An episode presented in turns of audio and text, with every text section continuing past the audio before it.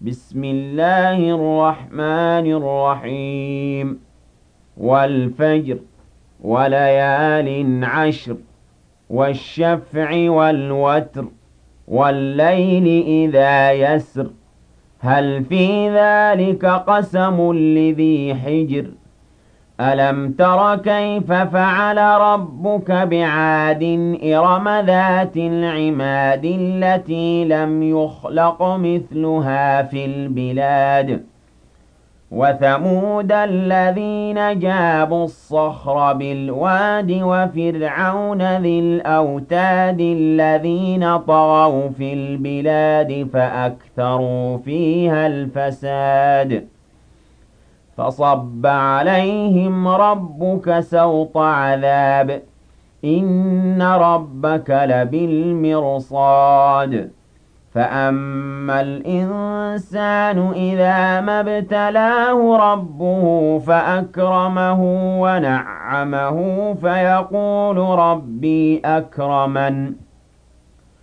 وأما إذا ما ابتلاه فقدر عليه رزقه فيقول ربي أهانن كلا بل لا تكرمون اليتيم ولا تحاضون على طعام المسكين وتأكلون التراث أكلا لما وتحبون المال حبا جما.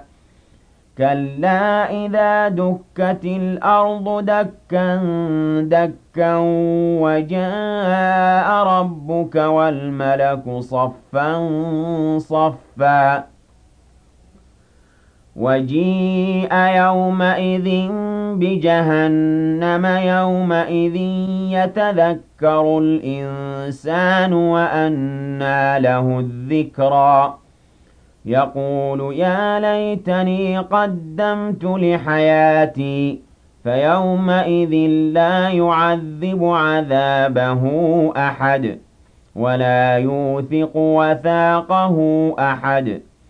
يا أيتها النفس المطمئنة ارجعي إلى ربك راضية مرضية. فادخلي في عبادي وادخلي جنتي.